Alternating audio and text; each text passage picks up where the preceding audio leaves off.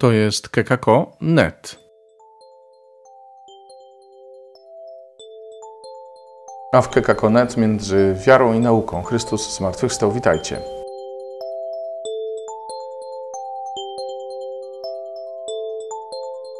Słuchać pewnie, że dzisiaj nie ma mnie w studiu, jestem w podróży, ale nasze audycje się ukazują i dzisiaj znów spotykamy profesora Sławomira Lecijewskiego, który tym razem będzie mówił nam o relacji nauki i religii. Poprzednio mówiliśmy o historii relacji między teologią i e, religią, a dzisiaj o religii, czy raczej może o wierze i o nauce. Różne odniesienia e, zostaną przedstawione, w tym również takie najbliższe nam chrześcijanom. Zapraszam. Nauka wobec wiary. Ja zawsze wymieniam te główne stanowiska w sporze nauka a religia czy nauka a teologia i tu mamy te stanowiska kreacjonistyczne, cztery podstawowe, mianowicie ten kreacjonizm naiwny, fundamentalistyczny, kreacjonizm naukowy, inteligentny projekt i kreacjonizm ewolucyjny. One są też tak pokrótce opisane w tej książce Stworzenie i początek wszechświata Hellera i Pabiana. No i są stanowiska ewolucjonistyczne, tak z grubsza dwa, bo jest ewolucjonizm teistyczny, Inaczej kreacjonizm ewolucyjny, to jest niemalże to samo. I jest też ewolucjonizm ateistyczny, to znaczy Ateistyczny to, że tak powiem, przeciwstawny Bogu, ateistyczny to taki, który mówi, że Bóg także mógł się posłużyć ewolucją w dziele stwórczym, bo już wiemy, że stworzenie to nie tylko zapoczątkowanie istnienia, tylko cały proces, czyli Bóg stwarza do dnia dzisiejszego i do końca świata będzie stwarzał. Dzięki temu, że stwarza, to my istniejemy. Kreacjonizm naiwny, fundamentalistyczny, to już pamiętamy, on traktuje Biblię jak podręcznik naukowy, czyli się go czyta jak podręcznik naukowy. Tak jakbyśmy, jakby się zatrzymali w rozwoju świata mniej więcej te 3000 lat temu, Tamten sposób patrzenia na świat został gdzieś tam zapisany w Księdze Rodzaju w rozdziałach 1, 2, 3, mniej więcej tam 2900 lat temu i no taki obraz świata jest i koniec. Jesteśmy w głębokim antyku. Kreacjonizm naukowy, on próbował uzgadniać, udawać naukę, żeby przemycać treści kreacjonistyczne. Chodziło głównie o wepchnięcie kreacjonizmu fundamentalistycznego do nauczania w szkołach publicznych w Stanach Zjednoczonych. Później, jak to się nie udało, bo były bardzo niekorzystne procesy sądowe z tym związane, no to trzeba było wepchnąć ten kreacjonizm jakąś tylnymi drzwiami, więc dlatego powstał inteligentny projekt, a kreacjonizm ewolucyjny był bardzo mocnym, silnym ośrodkiem kreacjonizmu ewolucyjnego. Jest Copernicus Center, czyli Centrum Kopernika, założone przez księdza profesora Michała Hellera za nagrodę Templetona, którą dostał, czyli takiego teologicznego Nobla która to nagroda jakby pozwoliła mu sfinansować powstanie tej jednostki badawczej, która się zajmuje właśnie mówieniem o relacjach nauka-religia. I teraz, gdybyśmy sobie to spróbowali przełożyć na takie tezy, czyli zdania, które ci przedstawiciele tych różnych kierunków uznawaliby za prawdziwe, to ci fundamentaliści, czyli kreacjonizm naiwny, mówiłby tak: jeżeli Księga Rodzaju ma rację w swej interpretacji dosłownej, to nauka musi być w błędzie, no i trzeba odrzucić teorię ewolucji, bo tam nic o tym nie ma. Chociaż jak pokazywałem, trochę może jest, ale już nie będziemy wchodzić w szczegóły. A z kolei ewolucjonizm taki ateistyczny, odrzucający Boga, co by powiedział? Mniej więcej coś takiego. Skoro teoria ewolucji jest prawdziwa, to znaczy daje najlepsze wytłumaczenie początków życia, to historia z Księgi Rodzaju musi być błędna. I co trzeba zrobić? Odrzucamy Boga, Stwórcę. No i tu mamy te dwa skrajne stanowiska. A co by powiedzieli kreacjoniści ewolucyjni albo ewolucjoniści teistyczni? To jest dokładnie to samo. Oni by powiedzieli coś takiego. Skoro teoria ewolucji jest prawdziwa, to historii z Księgi Rodzaju nie możemy interpretować dosłownie. Mówi ona o Bogu i tym samym nie jest traktatem naukowym. Tak? To oczywiście w dużym skrócie.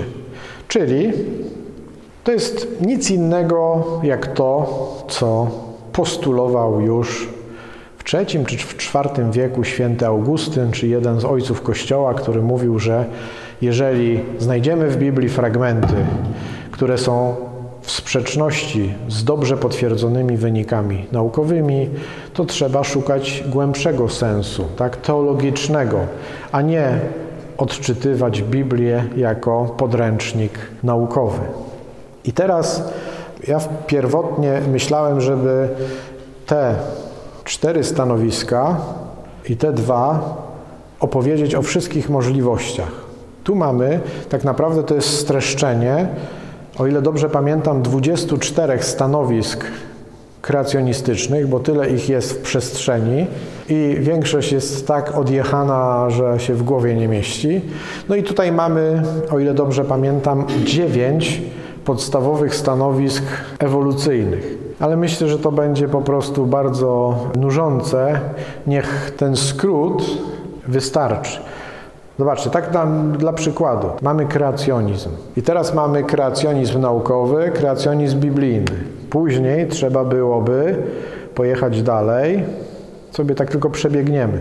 Mamy kreacjonizm naukowy przyrodniczy, kreacjonizm naukowy młodej Ziemi, kreacjonizm naukowy starej Ziemi. Dalej mielibyśmy kreacjonizm naukowy młodej Ziemi wszechświata dzieli się na kreacjonizm naukowy młodej Ziemi empirycznie rozpoznawalny i kreacjonizm naukowy młodej Ziemi wszechświata z pozorem wieku. Tak, że Bóg jest oszust, tak? czyli stwarza tak, żebyśmy, żeby nam się wydawało, że jest inaczej.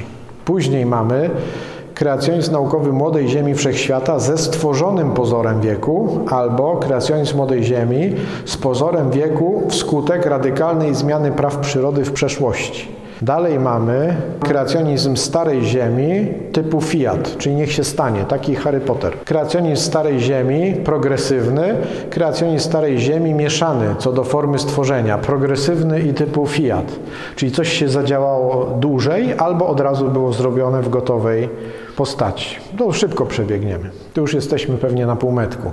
Później mamy kreacjonizm biblijny młodej ziemi, kreacjonizm biblijny starej ziemi. Tak, że ziemia ma 4000 lat albo że ma tam miliardy lat. Później mamy kreacjonizm biblijny młodej ziemi z pozorem starego wieku, czyli znowu mamy Boga oszusta i Mamy jeszcze kreacjonizm biblijny Starej Ziemi z dosłownym rozumieniem dni stworzenia i kreacjonizm biblijny Starej Ziemi z niedosłownym rozumieniem dni stworzenia. Takie rzeczy powymyślali. I do tego kreacjonizm biblijny Starej Ziemi z dosłownym rozumieniem dni stworzenia, które jednak miały miejsce niedawno. Albo teoria przerwy czasowej i kreacjonizm biblijny Starej Ziemi z dosłownie rozumianymi dniami stworzenia, oddzielonymi często bardzo długimi okresami czasu. I zobaczcie, to są ludzie, to jest kreacjonizm fundamentalistyczny, naiwni, którzy wszyscy literalnie czytają Słowo Boże. Więc de facto powinien być tylko ile wersji interpretacji, jeżeli literalnie czytamy? Jedna, tak? Czyli de facto nie da się tego przeczytać literalnie, skoro powstaje tak wiele różnych możliwości. Oni twierdzą, że każdy czyta literalnie, bez interpretacji i każdy ma swoją rację i moja jest mojsza, a twoja jest gorsza, tak? I mamy jeszcze kreacjonizm biblijny Starej Ziemi z utożsamieniem dni stworzenia z epokami geologicznymi, czyli każdy dzień stworzenia to inna epoka geologiczna. Kreacjonizm biblijny Starej Ziemi z utożsamieniem dni stworzenia z dniami objawienia, czyli mamy jakieś objawienia i to są te dni stworzenia, tak? Później kreacjonizm biblijny Starej Ziemi z utożsamieniem dni stworzenia z dniami, w których Bóg wyrzekł swoje niech się tak stanie, że to mogło być w większych odległościach i jeszcze kreacjonizm biblijny Starej Ziemi, rezygnujący z uzgodniania jakiegokolwiek rozumienia dni stworzenia ze współczesną nauką. Czyli nie chcemy mieć z nauką nic wspólnego.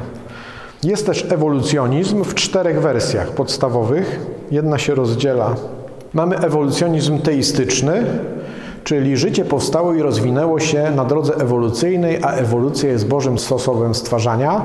Mamy ewolucjonizm deistyczny. Bóg stworzył wszechświat i prawa przyrody, puścił je w ruch i pozwolił, by całość się rozwijała bez żadnej interwencji z jego strony. Mamy ewolucjonizm panteistyczny. Ziemia, a może nawet i cały wszechświat jest jedynym żywym organizmem, której przysługują pewne cechy boskie.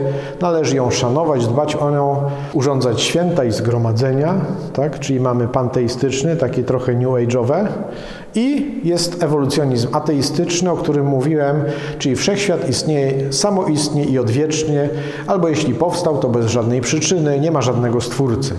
To są te dwa podstawowe, o których mówiłem, a to są dwa takie pośrednie. Bóg stworzył, puścił w ruch, się nie interesuje. Czy to jest biblijne? No nie. Bóg się interesuje tym światem i każdym z nas z osobna do tego. Albo panteistyczny, że wszystko, cały świat jest Bogiem, tak? Czyli Bóg i świat się utożsamia, ale ten ewolucjonizm teistyczny mamy, ewolucjonizm teistyczny z ewolucją kierowaną, ewolucjonizm teistyczny ze stworzeniem pierwszego życia i ewolucjonizm teistyczny naturalistyczny. I tutaj mamy, że jest ewolucja, ale jest kierowana. To by było gdzieś tam blisko, jak widzimy, inteligentnego projektu. Tutaj jest tak, że ewolucja sobie szła, ale życie zostało do tego wszechświata jakby z zewnątrz wrzucone. Czyli mamy ewolucję, ale to jest ewolucja fizyczna, chemiczna, a później biologiczną się zapoczątkowuje z palca jakby. No i tutaj jest taki naturalistyczny, nie ma niczego zaskakującego ani w rezultatach ewolucji, ani w tym, że się kiedyś rozpoczęła. Wszystko, co się stało, jest wynikiem obowiązujących praw przyrody. Zaskakujące jest jedynie dopasowanie tych praw oraz rozmaitych stałych fizycznych do pojawienia się życia i wyewoluowania człowieka. O tym mówi więcej tak zwana zasada antropiczna. Wolałbym o tym nie mówić. Napisałem kiedyś taką książkę 300 stron na temat zasady antropicznej, więc jakbym się rozgadał, to byłoby za długo. No i tutaj mamy ten teistyczny, naturalistyczny, do niego za chwilę przejdę. Zobaczmy. Jeszcze przy nim się zatrzymamy chwilkę. Tutaj mamy ten kreacjonizm naukowy, tak zwany naukowy. On jest specjalnie tu w cudzysłowie, bo y, zobaczmy, ile tutaj jest różnych dziwnych stanowisk, które sobie tak szybko przebiegliśmy. Oczywiście przy każdym można by się dłużej zatrzymać, powiedzieć, dlaczego jest to, tak powiem, nie do końca przemyślana konstrukcja dawnych mistrzów, takie y, dziwne rzeczy. Później mamy ten fundamentalistyczny, chyba jeszcze dziwniejszy, tak, który mówi o literalnym interpretowaniu Słowa Bożego, literalnym na kilkanaście różnych sposobów, więc to literalne czytanie Słowa Bożego jest de facto od razu jakąś interpretacją. Też widzimy całe mnóstwo różnych stanowisk, mniej lub bardziej dziwacznych. No i jest też ewolucjonizm w tej wersji teistycznej w trzech odmianach. Ta teistyczna, naturalistyczna w dwóch pododmianach i jeszcze deistyczny, panteistyczny i ateistyczny. Czyli mamy razem, jak tak sobie policzyć, to mamy aż 23 stanowiska kreacjonistyczne. Większość to są dosłowne czytanie Pisma Świętego na 23 różne sposoby. I mamy ewolucjonizm w dziewięciu podstawowych wersjach. To też są różne interpretacje ewolucjonizmu. Ale gdybyśmy chcieli właśnie zestawić ten ewolucjonizm z kreacjonizmem, to tak naprawdę ważna jest konstytucja dogmatyczna Soboru Watykańskiego II o objawieniu Bożym Dei Verbum. Tak naprawdę ten autor, czyli ksiądz Jelonek, też z Krakowa, w książce Biblia a nauka pod tytuł Czy nauka sprzeciwia się Biblii twierdzi, że pełne pogodzenie nauki i Biblii umożliwia właśnie ta konstytucja dogmatyczna Soboru Watykańskiego II o objawieniu Bożym Dei Verbum, określająca zasady interpretacji Pisma Świętego. Czyli jak należy interpretować Pismo Święte, to jest punkt 11 tej Konstytucji Soboru Watykańskiego. To jest, jak wszyscy wiedzą, taki najbardziej ważny dokument Kościoła katolickiego, jaki sobie można wyobrazić. Czyli Konstytucja Soboru jakiegokolwiek to są dokumenty najwyższej rangi. Czyli mamy coś takiego. Ponieważ więc wszystko, co twierdzą autorowie natchnieni, czyli hagiografowie, winno być uważane za stwierdzone przez Ducha Świętego, należy zatem uznawać, że księgi biblijne w sposób pewny, wiernie i bez błędu uczą prawdy, jaka z woli Bożej miała być przez Pismo Święte utrwalona dla naszego zbawienia. Czyli księgi biblijne uczą prawdy, która jest potrzebna dla naszego zbawienia. Czy zatem rozumienie modelu ekpyrotycznego z zakresu kosmologii kwantowej jest potrzebne do zbawienia? Na szczęście nie. Jeżeli byśmy szukali w Biblii śladów modelu jakiegokolwiek kosmologicznego, to tam to jest nam niepotrzebne do zbawienia. Do zbawienia co jest potrzebne? A powiem z podpowiedzią, kto jest potrzebny. No Bóg jest potrzebny do zbawienia, a nie model kosmologiczny, tak? Więc ja mam w Biblii szukać Boga i z Nim relacji, a nie modeli kosmologicznych. No i to jest istotne, tak? Pismo Święte przekazuje prawdy dotyczące naszego zbawienia, a nie prawdy nauk przyrodniczych. Czyli warto o tym bardzo dobrze pamiętać, że w kontekście 11 punktu tej konstytucji Dei Verbum mamy informację o tym, że w Piśmie Świętym są prawdy dotyczące naszego zbawienia, czyli tak naprawdę Biblia zawiera zapis historii zbawienia, tak? a nie historii naturalnej, bo o historii naturalnej nas informują nauki przyrodnicze. Wiemy, że te historie, one się jakoś z sobą przeplatają, ale najistotniejsze jest to rozróżnienie. Biblia mówi o historii zbawienia, czyli o historii relacji Bóg-człowiek, a z kolei nauki przyrodnicze mówią o historii naturalnej i warto jeszcze raz mocno podkreślić, że Biblia nie mówi nic o historii naturalnej albo przynajmniej niewiele.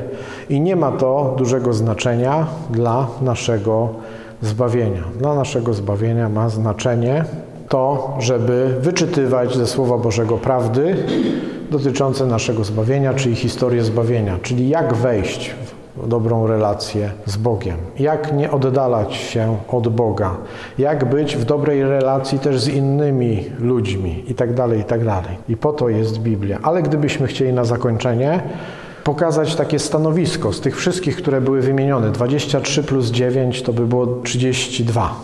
Z tych 32, które by było najsensowniej łączące jedno z drugim, to się nie zdziwimy, że będzie to ewolucjonizm tenistyczny, tak? który nie szuka jakichś tam konfliktów, nie, że my mamy rację, wy nie macie racji i tak dalej. Nie ma obrzucania się błotem, tylko jest próba dialogu jednego z drugim, czyli teizmu z ewolucjonizmem. Tutaj oczywiście, jak wiemy, ten ewolucjonizm teistyczny, życie powstało i rozwinęło się na drodze ewolucyjnej, a ewolucja jest Bożym sposobem stwarzania. Tak naprawdę nie do końca może o to chodzi, bo ewolucja to jest tylko mechanizm, tak? Tak naprawdę prawa fizyki są Bożym sposobem stwarzania. Ja to przepisuję za Jotkowskim z jego książki. On to tak ujął. A to jest tak naprawdę jedyne stanowisko, które w Piśmie Świętym nie widzi podręcznika naukowego, tak? Także warto to podkreślić. Tu mamy ewolucjonizm teistyczny, naturalistyczny, czyli nie ma niczego zaskakującego ani w rezultatach ewolucji, ani w tym, że się kiedyś rozpoczęła. Wszystko, co się stało, jest wynikiem obowiązujących praw przyrody, tak? Czyli to by było to doprecyzowanie. Czyli prawa przyrody są odpowiedzialne za historię naturalną, a odpowiedzialnym za prawa przyrody jest w tej interpretacji teistycznej kto? Bóg. Czyli Bóg jest, jak to kiedyś mówiono, prawodawcą, ale prawodawcą nie w sensie tych 600 iluś przepisów dla narodu wybranego, ale prawodawcą w ogóle, czyli każde prawo byłoby prawem pochodzącym od Boga, czyli prawo fizyki, prawo chemii, prawo biologii też. I to się dzieje zgodnie z tymi prawami.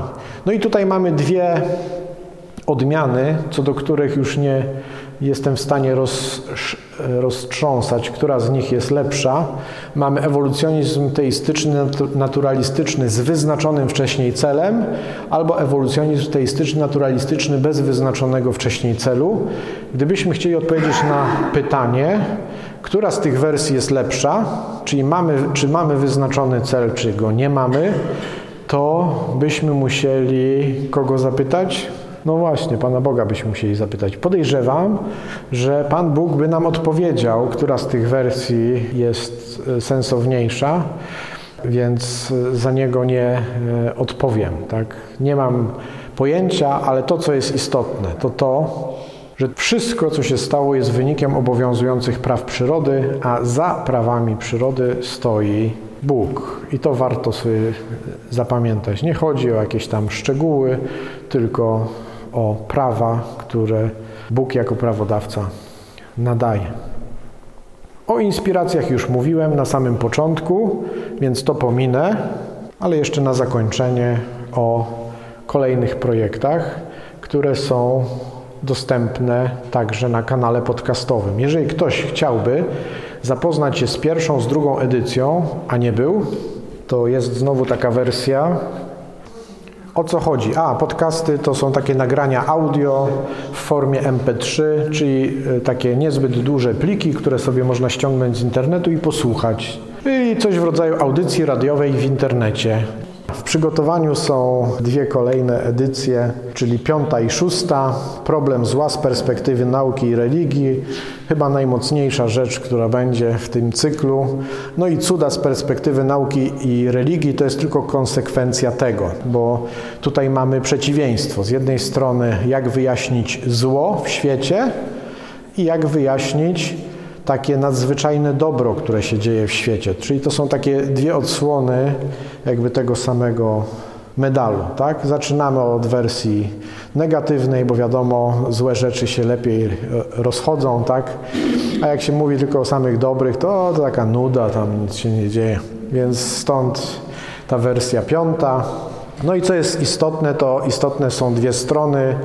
Strona facebookowa, gdzie się te wszystkie podcasty pojawiają. Jak ktoś ma Facebooka, to zapraszam do subskrypcji, bo tutaj wszystkie nowości się z automatu pojawiają na Facebooku. Jest też strona www.naukareligia.pl, gdzie są te audycje właśnie o relacjach nauka-wiara. Jak ktoś ma Spotify'a, to znajdzie to też na Spotify'u. Napisze nauka a religia, albo ewolucja stworzenie, albo po prostu Leciejewski i mu wyskoczą podcasty w tym Spotify'u. Spotify to jest taki serwis, gdzie się słucha muzyki. Tam jest wszystko, jeżeli chodzi o muzykę. Jak ktoś ma Spotify'a, to sobie znajdzie. Tam różne płyty z muzyką, ale także są podcasty. Jest też Apple Podcast, jak ktoś ma iPhone'a, to ma taką aplikację Apple Podcast i może tam sobie też wpisać Leciejewski w Apple Podcast i mu wyskoczą te wszystkie podcasty. Jeżeli ktoś ma aplikację telefon z Androidem, to tam ma Google Podcast i na Google Podcast też to jest, więc na wszystkich serwisach streamingowych takich, gdzie te podcasty są po całym świecie, one są dystrybuowane. Mówił profesor Sławomir Leciejewski. To ostatnie z cyklu spotkań e, poświęconych historii boskiej i ludzkiej. Następne spotkania będą poświęcone złu i cudom, i to z punktu widzenia nauki i wiary. Tymczasem dziękujemy Wam bardzo za to, że jesteście z nami. Piszcie do nas na adres redakcja małpa.kekako.net Subskrybujcie koniecznie nasz podcast, dzielcie się nim z innymi, no i bądźcie z nami również w przyszłości. Dzięki, że nas przyjęliście, mówił Robert Hecyk.